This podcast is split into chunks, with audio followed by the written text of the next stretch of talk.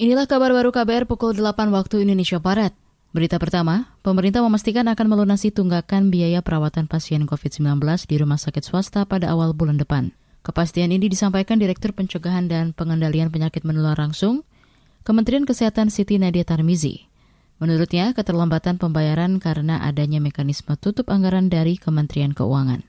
Tentunya uh, untuk uh, memverifikasi hutang ini pasti ada prosesnya perpindahan uang dari uh, yang harusnya dibayarkan di 2020 ke dibayarkan di 2021. Nah, proses ini yang sedang berjalan sampai dengan uh, Januari ini. Jadi kemungkinan besar baru bisa uh, cair uh, di akhir-akhir Januari sehingga kita bisa bayarkan di Februari begitu. Siti Nadia Tarmizi yang juga juri bicara vaksinasi COVID-19 ini mengklaim rumah sakit swasta tetap berkomitmen melayani pasien meski ada tunggakan klaim perawatan. Jumlah tagihan yang belum dibayar mencapai puluhan miliar rupiah berdasarkan data dari Asosiasi Rumah Sakit Swasta Indonesia. Kita beralih ke berita olahraga. Komite Olimpiade Internasional IOC tidak mendukung atlet melompati antrian untuk mendapatkan vaksin COVID-19.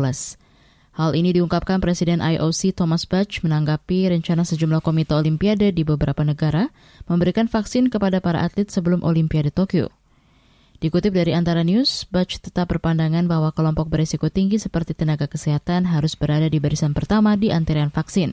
Namun, IOC mempersilahkan otoritas negara masing-masing untuk memutuskan apakah atlet Olimpiade juga bakal menjadi kelompok prioritas di vaksin.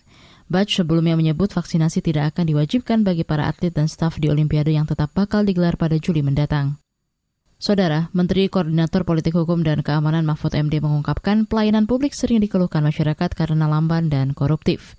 Faktor tumpang tindih aturan dan prosedur berbelit-belit memunculkan potensi pungutan liar.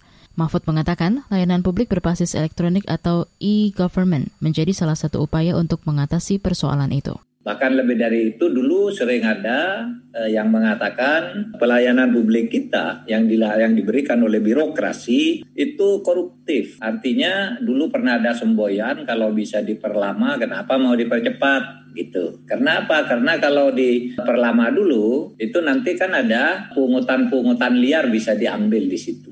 Itu tadi Menko Polhukam Mahfud MD saat meresmikan Mall Pelayanan Publik di Kabupaten Bone Mulango, Gorontalo secara daring kemarin. Ini merupakan mal pelayanan publik ke-34 secara nasional dan yang pertama di Provinsi Gorontalo. Demikian kabar baru KBR, saya Naomi Liandra.